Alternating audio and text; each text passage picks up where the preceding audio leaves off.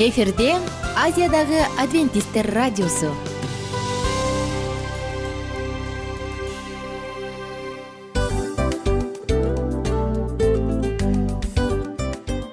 Достор салют.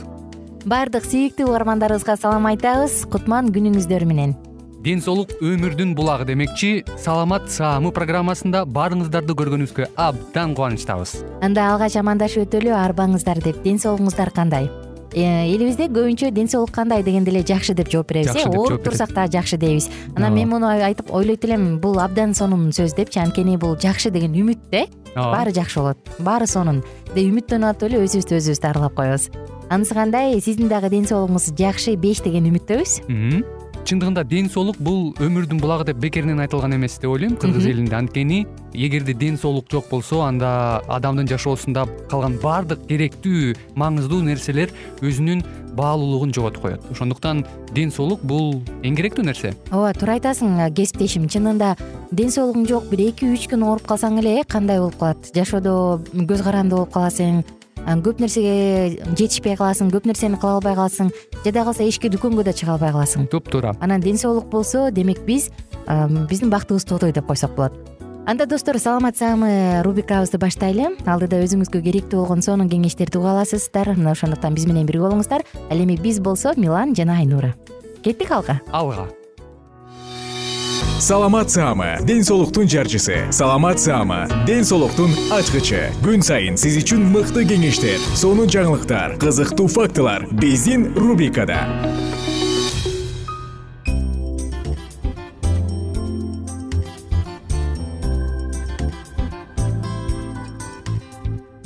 салам достор. Кайрадан саламат саамы рубрикасына кош келиңиздер. Эфирде мен милан жана менин кесиптешим айнура. Сиздерге ден соолуктун кызыктуу фактылары жөнүндө бөлүшүп кетмекчибиз. Мику аку уйку жөнүндө темабызды баштадык. Биздин сүйүктүү темабыз анткени уйкуну жакшы көрбөгөн адам жок.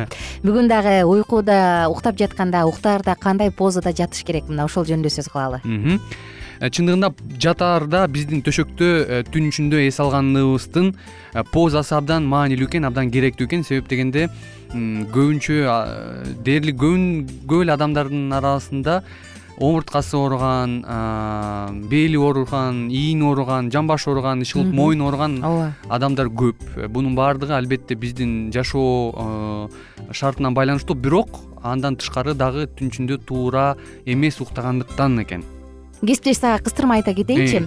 Жакында бир кичинекей кызга массажист айтып атпайбы мындай кененеги балада кайдан сколиоз пайда болот? деп таң калып сурасак ал айтат да кечинде кандай абалда уктайт? деп.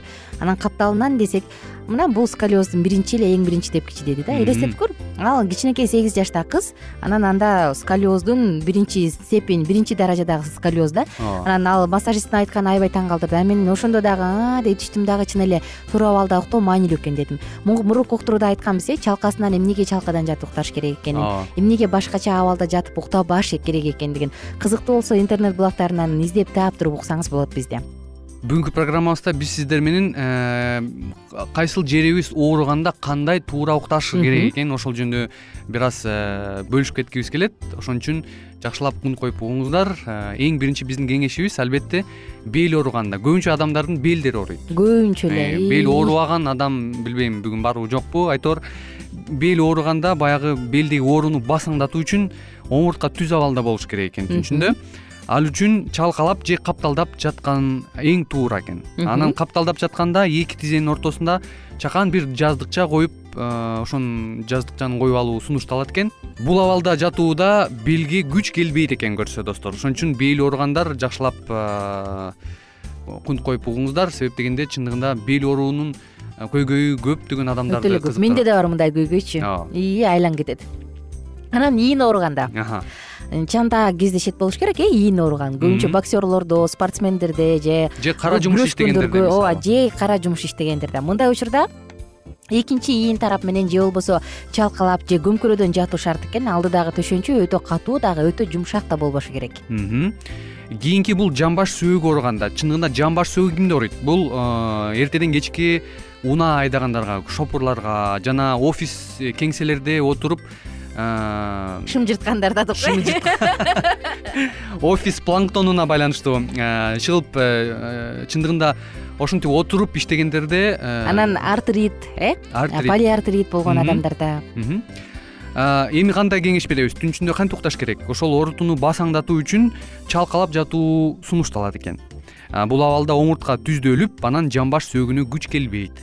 Андан дагы бир кызыктуусу эртең менен ойгонгондо эртерээк туруп шыр эле жумушка тезден тез кетпестен Э, жарым саат кырк мүнөт жок дегенде басуу керек экен элестеткиле баскан сайын канчалык биз бассак ошончолук биздин э, сөөктөрүбүз биздин денебиз өзүнөн өзү жакшырына болуп баягы эс ала түшөт экен кызык экен. Мойну ооруган адамдарга эмне дейбиз? Бул учурда сизге туура тандалган жаздыктар жана чалкалап жатуу гана жардамга келет. Баш салаңдабай аны менен катар өтө бийик болбосу зарыл. Футболисттерге биздин кеңешибиз тизе бут ооруганда жана көп баскан адамдарга биздин кеңешибиз. Уктап жатканда буттар бири бирине тоскоолдук жаратпоо үчүн ортосуна жука төшөк же жаздыкча коюп жатуу сунушталат экен. Анткени бутка бут сөөктөрүнө баягы э, баягы бири бирине күч келбеш керек экен бири бирине баягы тийбеш керек экен. Эгерде сиздин дем алууңуз кыйын болсо он секундка чейин дем ала албай тумчуга турган болсоңуз анда сөзсүз дарыгердин текшерүүсүнөн өтүп себебин аныктаңыз. Уктап жатканда дем жетпей калуу апное оорусу деп аталат. Мында адам он секундтан эки үч мүнөткө чейин дем ала албай калат. Бул оору чалкадан жаткан адамдарда көп катталат. Бул апное коңурук э биз коңурук деп мындай жалпы элде коңурук деп коет эмеспизби. Анан ай чарчаган турбайбы мына ошон үчүн коңурук тартып атат ии бул коңурук тартат дейбиз бирок бул оору чындыгында оору чындыгында бул дем албай сиздин дем ала албай калган учуруңуз. Караңызчы э кандай коркунучтуу ошондуктан шашылыш доктурга барып коюңуз. Жана өзгөчө айымдарга биздин кеңешибиз бырыш түшүүнүн алдын алуусу дагы э, түнкү уйку менен байланыштуу экен. Эгер сиз бир капталдап жатууну адатка айлансаңыз анда бырыштар түшпөй койбойт. Андыктан уктоонун абалдарын алмаштырып туруңуз. Ошон үчүн эң эле жакшысы эң эле мыктысы бул чалкалап түз э, жатуу зарна болгондо зарнаны азайтыш үчүн сол капталдан жатуу туура ашказанында көйгөйлөр барга бир күмүш сырга болсун. Сенчи милан кесиптеш кандай абалда уктайсың көбүнчө мен э, колумда акча көп кезде жылдыздай болуп уктайм. Жылдыз позасында уктайм. Акчам жок кезде ура деген бойдонбу э, жаздыгымды кучактап алып бырышып алып анан баягы улитка позасында уктайм. Демек сен уктап жатканыңдан капчыгың кандай экенин билип койсо болот экен да э ооба бирок э, бул канчалык күлкүлүү болбосун. Кээ бир окумуштуулар психологдор өзгөчө уйкунун позасына карап бул адамдын психологиясын анын көйгөйлөрүн анын депрессиялык абалын билип коюшат экен элестеткиле анын характерин кыялын билип коет экен. Ошон үчүн биздин баягы позабыз дагы көп нерсе жөнүндө айтат жолдошуң же келинчегиң психолог болуп калса анда айттырбай эле баарын билип коет экен да э ооба. Уйку адамдын иш жөндөмдүүлүгүнө жана мээнин иштешине дагы таасир этет. Ошондуктан досторубуз биз сиздерге кааларыбыз уктаңыз. Уйкуңуз жетиштүү болсун жана уйку сизге жашоону узартуучу ден соолукту бекемдөөчү сонун каражат болуп берсин. Ушуну менен уйкуга арналган темаларыбызды жыйынтыктайбыз буюрса кийинки алдыда дагы башка сонун темаларды убадалайбыз сиздерге. Ошондуктан кийинки уктурууларды калтырбаңыздар эмне дейли? Уктаңыздар дейбиз. Албетте келе жаткан уйкуңуз бейпил болсун деп суранатыбыз жана каалайбыз. Анан уктап жатканда мындай чыйрыгып каласың го? Э муну кичинекей балдардан көп байкайсың. Же болбосо күндүз уктап калганда ии чыйрыгып калыптырмын дейбиз го. Көрсө бул уктап жатканда адамдын дене табы төмөндөрүнөн кабар берет. Бөлмөңүз жаткан бөлмөңүз салкын болсун бирок үстүңүзгө жылуу жууркан жамын алып жатыңыз. Өзгөчө кыш мезгилинде. үшүбөй жылуу жатыңыз жайында жылдыз болуп жатыңыз иши кылып ден соолугуңуз бекем болсун деп мен милан жана кесиптешим айнура. Эң негизгиси жаныңызды жылыта турган адам болсун достор кайрадан амандашканча. Саламат саама ден соолуктун жарчысы. Саламат саама ден соолуктун ачкычы. Күн сайын сиз үчүн мыкты кеңештер сонун жаңылыктар кызыктуу фактылар биздин рубрикада. Салют замандаштар баарыңыздарга ысык салам дил маек программабызга кош келиңиздер. Дил маек рубрикасы дегенде эле бул эмне болгон дил маек? Ким менен маектешебиз деп сурайт болуш керек угармандарыбыз бул рубриканы кыскача тааныштыра кете турган болсок ар тарап кесип ээлеринен болгон сонун интервью кеңештер бар. Ооба. жылдыздар менен болгон маек бар. Аталарыбыздын агаларыбыздын чоң аталарыбыздан сонун кеңештер бар.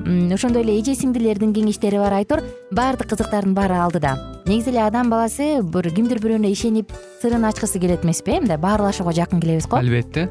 Негизи бир жерге отуруп алып кенен шашпай баягы жүрөктөн жүрөккө ачып сырларыбызды ар кандай көйгөйлөрүбүз менен бөлүшүп баягы чын жүрөктөн маек курганды кимибиз сүйбөйбүз э? Ооба десең ал нерсеге суусап да келебиз да? Ооба кээ бирде адамга чындыгында баягы э, ысык маек баягы жылуу маек жетишпейт да. Ошондуктан биз ушул рубриканы ойлоп тапканыбызда эң биринчи эле достор сиздер менен чын жүрөктөн бир маңыздуу темаларды козгоп кеткени э, кааладык. Ошондуктан ушундай сонун бир рубриканы тартуулап жатабыз. Анын үстүнө радио дагы сонун дос да анткени э, мындай учурда досуңа айтсаң досуң досуна айтат досу досуна айтат да анан бүт өлкө билип калышы мүмкүн го. А радио болсо сени сатпаган сенин айыбыңды ачпаган сенин сырыңды эч кимге айтпаган сонун дос мына ошондуктан биздин алдыдагы айта турган кеңештерибизди биздин досторубуздун кеңештерин угуп анан ал жака пикириңизди дагы калтырып кайрадан биз менен байланышсаңыздар болот. Деги эле жашооңузга эгерде кичине болсо дагы өзгөрүү алып моралдык жактан нравовик жактан сонун бир кеңештерди алсаңыз демек биз максатыбызга жеттик. Ооба. Чыңгыз атабыз улуу жазуучу э, чыңгыз айтматов айткандай адам болуу бул күнүмдүк процесс экен. Күн сайын адам бойдон калуу бул адамзатка эң эле кыйын дейт э? э эң кыйын дейт. Чындыгында бунун э, негизинде адамдын эң баягы сапаттуулугу адамдын э, адамгерчилиги жана көптөгөн керектүү нерселер. Мына ошол темалар дагы бизде ушул дил маекте биз аларды да козгойбуз. Ден соолук жөнүндө да сүйлөшөбүз. Сөзсүз түрдө. Анан милан мырза негизи айтып коюшат го биз көбүнчө эмнени ойлонсок? Ошол нерсеге карата иш кылабыз го. Ооба. Анан анысы кандай? Балким бул радио баракчада кимдир бирөөнүн оюн текшергенге жардам берет кимдир бирөөнүн жүрөгүн текшергенге жардам берет. Балким кимдир бирөөгө жашоонун маңызын тапканга жардам берет. Айтор кызыктын баары алдыда бул жөн гана кыскача жарнама анда угармандарыбыздын баардыгын кийинки рубрикабызга чакырабыз. Ал эми кызматта маңдайымда отурган кесиптешим милан жана мен айнура. Анда эмесе биз даярдаган терең терең ойлор менен таанышууга кеттик. Алыс алыс баралык анда эмесе достор биз менен бирге болуңуздар. Алдыда эң кызыктуу маалыматтардын баардыгы бир нече мүнөттөр бою жалгыз гана сизге арналат мына ошондуктан жакшы маанай менен угууну каалайбыз. Үн алышканча. Жөнөдүк. Ар түрдүү ардактуу кесип ээлеринен алтын сөздөр жүрөк ачышкан сыр чачышкан сонун маек дил маек рубрикасында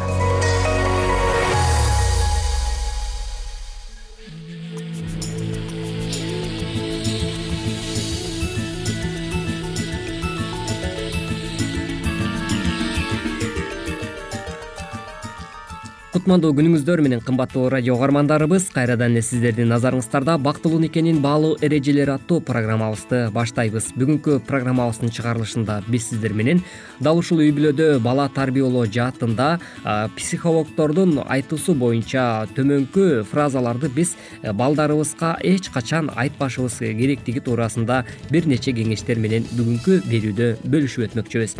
Деги эле психологдордун айтуусу боюнча төмөнкү фразаларды балдар эч качан айтпашыбыз керек экен. Мисалга ала кетсек ата энелер балдарына акыл үйрөтүп жатам деп э, ойлошушу да мүмкүн экен. Бирок биздин балдарыбыз э, биз айткан сөздөрдү таптакыр башка кабыл алышат экен. Айтылган сөз атылган ок болуп баланын мээсинде өмүр бою сакталып калат. Жана анын кийинки жашоосуна олуттуу таасирин тийгизет экен мына ушул теманын алкагында бүгүнкү программабызда сөз кылабыз. Ал эми ардактуу радио кугармандар сиздер болсо биздин ободон алыстабай биз менен биргеликте болуңуздар. Кызматыңыздарда мен улан жана ошондой эле кесиптешим. Жана мен асель саламатсыңарбы мисалы үчүн биз балдарга мындай сөздөрдү айтат экенбиз. Азыр атаң же апаң же байкең келет ошондо көрөсүң бирди биринчиден бул фраза менен дароо өзүңүздүн авторитетиңиздин жоктугун далилдеп жатасыз. Экинчиден кичинекей бала атасынын келгенине кубанып аны тосуп чыккысы келсе керек. А сиз анын атасына болгон мамилесин бузуп жагымсыз образ жаратуудасыз. Дагы даттанба бул жаман адат деп үйрөтүп коебуз ооба чындап эле ушундай ыкмаларды колдонуу аркылуу дагы биз э, балдарыбызды ата энесин же болбосо апасын ошол эле байкесин бир э, монстр сыяктуу кылып көрсөтүп э, коет экенбиз да. Анткени кичинекей балдарга биз кандай айтсак алар ошондой кабыл алып анан алар ошондой сезет эмеспи. Демек мен карап тур сен атаң келгенде айтам же болбосо апаң келгенде көрөсүң байкең келгенде тим эле өпкөңдү үзүп коет деген сыяктуу бир сөздөрдү айта турган болсок бул биз балдарга өзүбүздүн түшүнүгүбүздө туура тарбия берип жатабыз деп ойлонгон түшүнүк боло турган болсо анда бул э, сөзсүз түрдө туура эмес натыйжа берет экен. Жогорудагы айтылып кеткен э, нерселер э, тескерисинче балдардын психологиясына терс таасирин тийгизип калышы толугу менен мүмкүн. Андыктан бул нерселерди айтуунун алдында ар бирибиз ойлонгонубуз жакшы экен.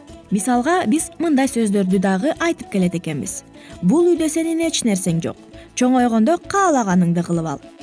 Кандайча? Андай болушу мүмкүн эмес. Менин кийимим оюнчуктарым велосипедимчи деп бала ойлонушу мүмкүн. Бул сөзүңүз менен сиз үчүн материалдык баалуулуктар биринчи орунда турат.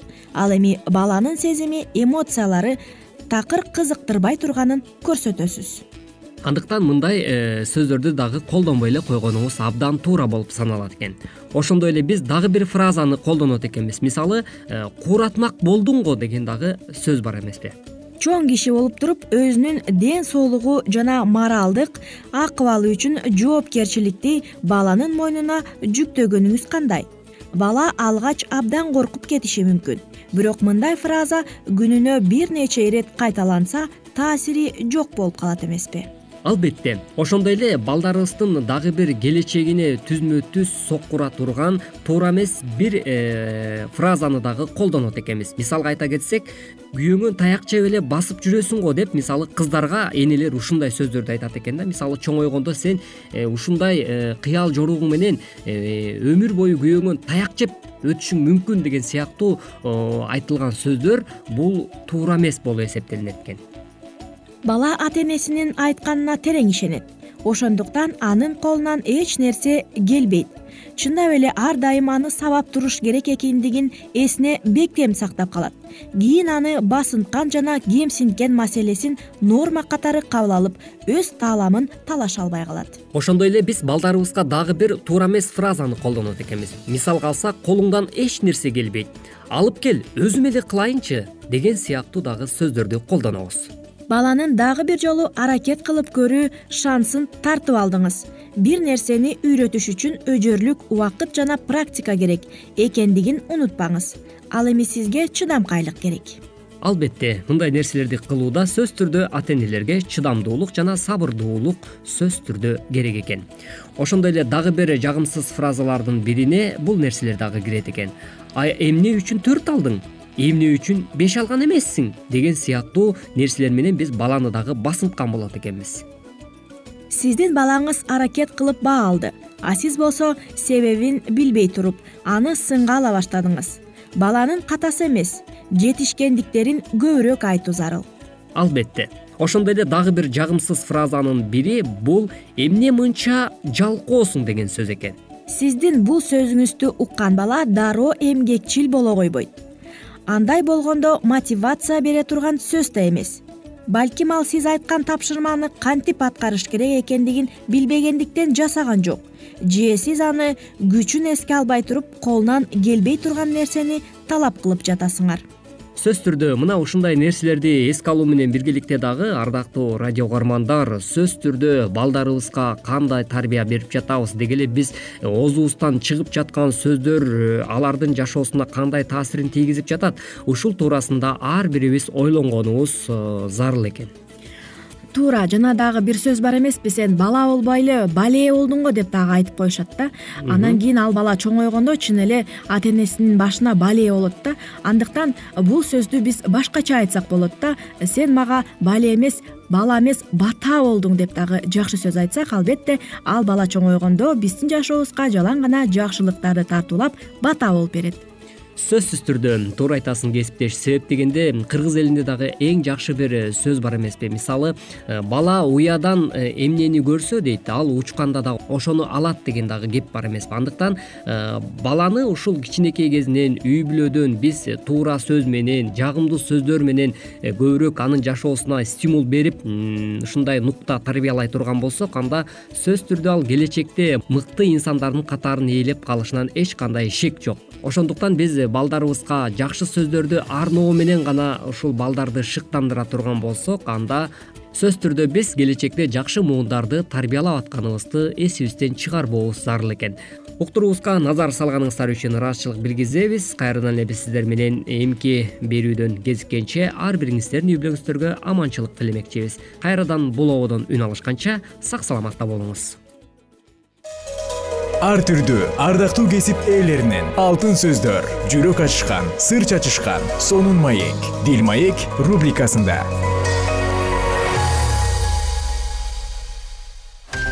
Жан дүйнөңдү байыткан жүрөгүңдү азыктанткан жашооңо маңыз тартуулаган жан азык рубрикасы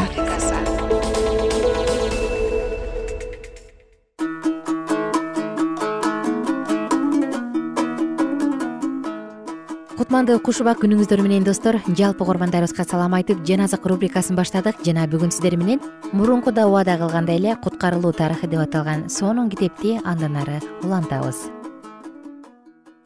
Пайгамбарлыктар көргөзүп кеткен касиеттүү жайдын тазаланышы жөнүндө көбүрөөк билиш үчүн асмандагы касиеттүү жайда кылынып жаткан кызмат кандай экендигин билүү зарыл бул жөнүндө биз жердеги касиеттүү жайдагы дин кызматчылардын аткарган кызматтарынан биле алабыз.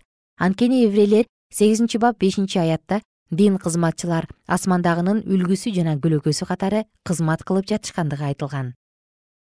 Касиеттүү жайдын тазаланышы.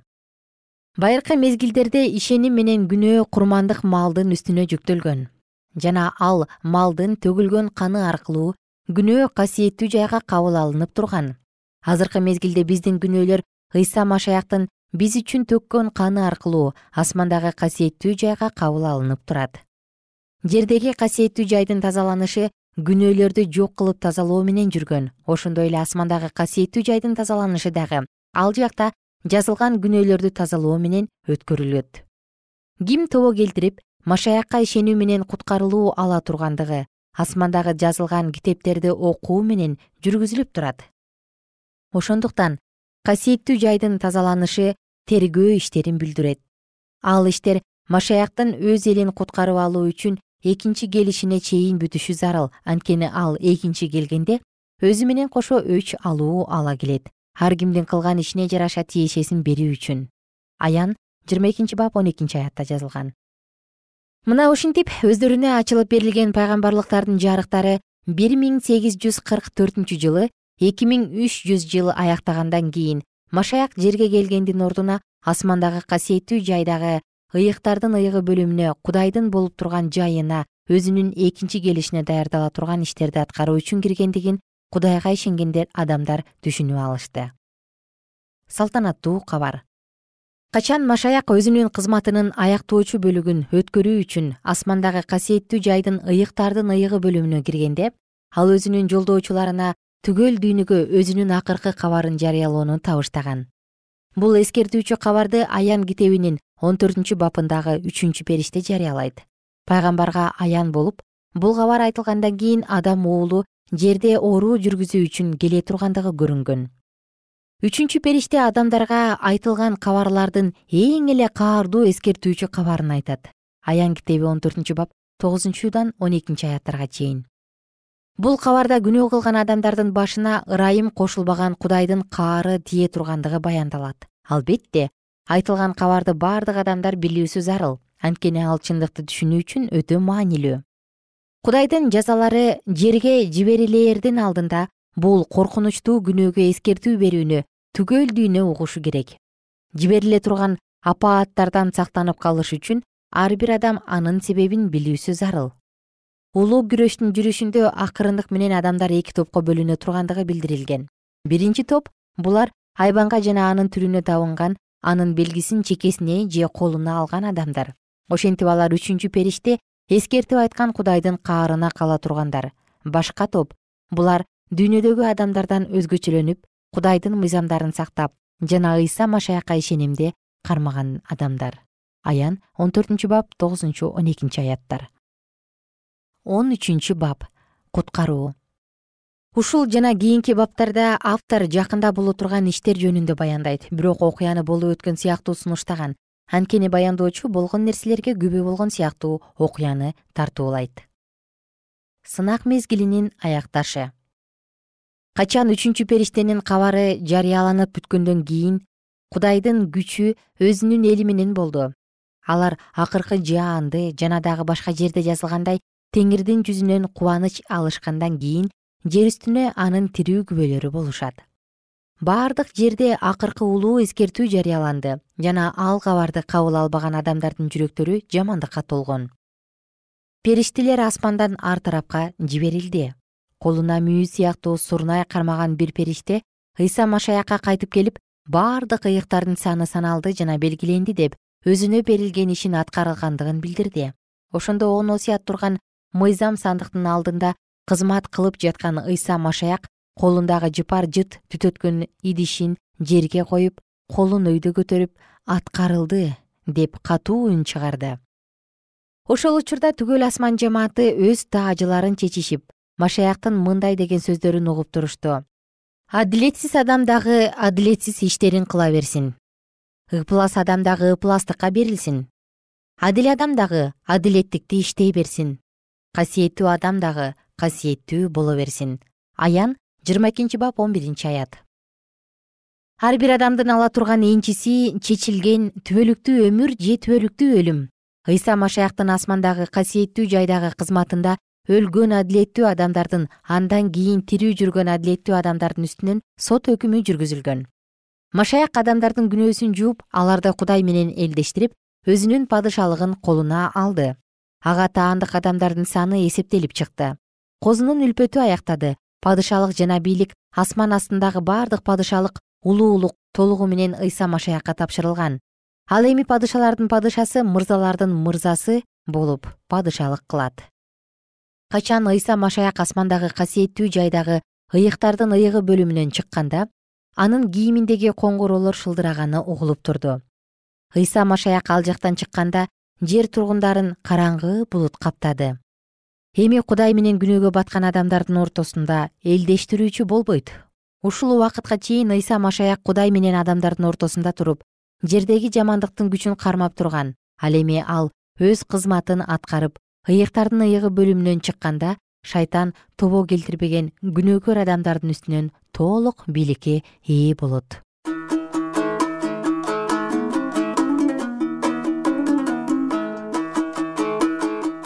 кымбаттуу угарман сиздер менен дал ушул жерден саатыбызды токтотобуз жана окуябызды кийинки уктурууда бирге улантабыз. Жалпы угармандарыбызга кааларыбыз көңүлдүү күн бар болуңуздар аман болуңуздар бай болуңуздар. Кайрадан амандашканча сак саламатта туруңуздар.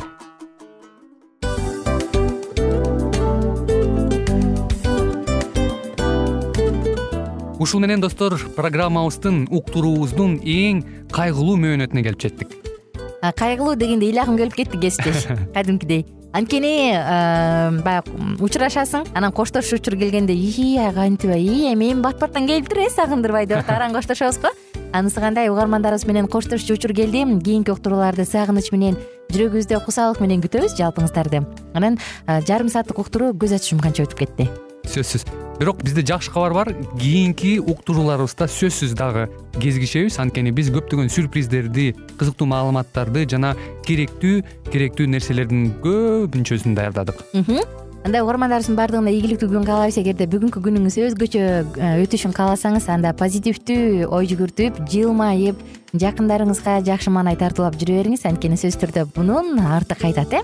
Сөзсүз. Баягы ден соолугуң оңолот ал бул деп көп нерсени санап келебиз. Эң негизгиси бул сиздин жашооңузду жаркын кыла түшөт экен жараткан кудай ар бирөөңүздөргө батасын берсин жашооңуз ийгиликтүү болсун сак саламатта калыңыздар деп мен милан жана кесиптешим айнура. Баардыгыңыздар менен кийинки уктурууда үн алышканча баарыңыздарга ийгилик каалайбыз